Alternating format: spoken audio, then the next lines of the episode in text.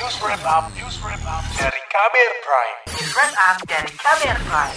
Saudara, pemerintah memutuskan melanjutkan pemberian insentif dan santunan kematian bagi tenaga kesehatan yang menangani pandemi COVID-19. Namun, besaran insentif untuk 2021 ini akan mengalami pemotongan. Bagaimana pandangan dari dokter dan tenaga kesehatan? Berikut laporan khas KBR yang akan disampaikan Reski Novianto. Kementerian Keuangan berencana memotong nilai insentif bagi tenaga kesehatan yang selama ini menjadi garda terdepan penanganan pasien COVID-19 di rumah sakit seluruh tanah air. Jika dibandingkan dengan tahun lalu, insentif bagi tenaga kesehatan tahun ini turun cukup signifikan. Pemotongan itu muncul dalam surat keputusan Menteri Keuangan Sri Mulyani pada awal Februari lalu. Surat keputusan Menteri Keuangan itu menindaklanjuti permintaan Menteri Kesehatan agar ada perpanjangan insentif bagi tenaga kesehatan yang menangani COVID-19. Rencana pemotongan insentif itu menuai kekecewaan dari para tenaga medis, terutama dokter dan perawat. Kekecewaan antara lain disampaikan GV, seorang dokter di rumah sakit swasta di Yogyakarta. Pemotongan insentif tenaga kesehatan ini dipertanyakan karena dengan terus bertambahnya jumlah kasus COVID di Indonesia setiap harinya, resiko pekerjaan untuk tenaga kesehatan itu semakin meningkat. Semakin banyak rekan sejawat yang terpapar COVID dan harus isoman, sehingga beban kerja beban kerja untuk eh, teman-teman yang masih aktif juga terus meningkat seiring dengan berjalannya waktu. Selama ini dokter yang bekerja penuh waktu di rumah sakit rujukan COVID-19 mendapat insentif sebesar 7,5 juta rupiah per bulan. Sementara itu, Indira Putri, selaku tenaga kesehatan di rumah sakit swasta di Bali, mengaku sampai saat ini belum mendapatkan insentif sepeser pun dari pemerintah. Rumah sakit tempat ia bekerja baru menerima pasien COVID-19 pada akhir Desember lalu. Nah, setahu saya, masalah insentif yang dijanjikan pemerintah itu khusus untuk tenaga kesehatan yang menangani COVID-19 yang sudah terdaftar. Kebetulan di tempat saya bekerja itu uh, baru menangani pasien COVID-19 per uh, Desember 2020.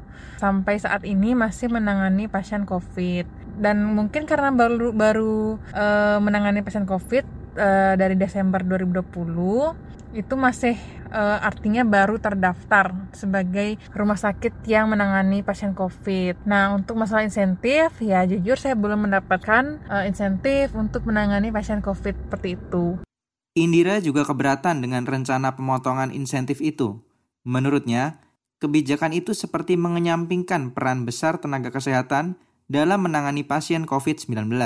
Uh, menurut saya, kalau saya jujur pribadi saya keberatan karena dilihat dari beban kerjanya. Pertama dokter itu uh, di zaman pandemi ini pasien COVID per uh, dari Desember 2020 hingga saat ini terus jumlahnya meningkat. Perbandingan antara dokter dan pasien tidak sebanding. Dokternya sedikit, pasiennya sangat banyak. Kemudian belum lagi terpapar oleh virus. Kita langsung berhadapan walaupun kita sudah memakai uh, pakaian uh, APD hazmat level 3 seperti itu dan ya tolong itu untuk dipertimbangkan ya kalau bisa sih tidak usah dipotong hingga 50%.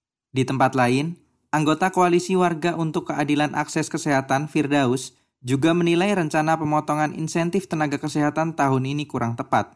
Menurutnya, pemerintah seharusnya memperhatikan peran besar tenaga kesehatan dalam menangani pasien COVID-19 dengan tetap memberikan insentif yang sama dengan tahun lalu kami juga sebenarnya cukup menyayangkan ya kalau misalkan wacana ini benar-benar uh, terrealisasikan. Artinya saya kira tidak hanya kami di koalisi, kalau misalkan kita coba lihat dari apa teman-teman nakes yang ada di Twitter gitu ya, akun Twitter juga, saya kira reaksinya juga kurang lebih sama. Mereka kecewa, mereka menolak mungkin ya kalau bisa dibilang uh, apa yang kemudian diwacanakan oleh Kementerian Keuangan ini. Tapi ya semoga harapannya bisa dipertimbangkan kembali lah saya kira Firdaus juga mempertanyakan komitmen pemerintah memberikan insentif kepada para tenaga kesehatan. Ia menyebut banyak distribusi insentif yang tidak lancar kan kita tahu kalau misalkan untuk kepastiannya sebenarnya memang kita masih menunggu daripada Kesmenkes ya artinya harus harus apa Kementerian Kesehatan harus mengeluarkan apa surat keputusannya. Nah kami sempat mencoba mengkonfirmasi begitu kepada juru bicara Kementerian Kesehatan bahwa uh, pengurangan ini sifatnya masih wacana, masih usulan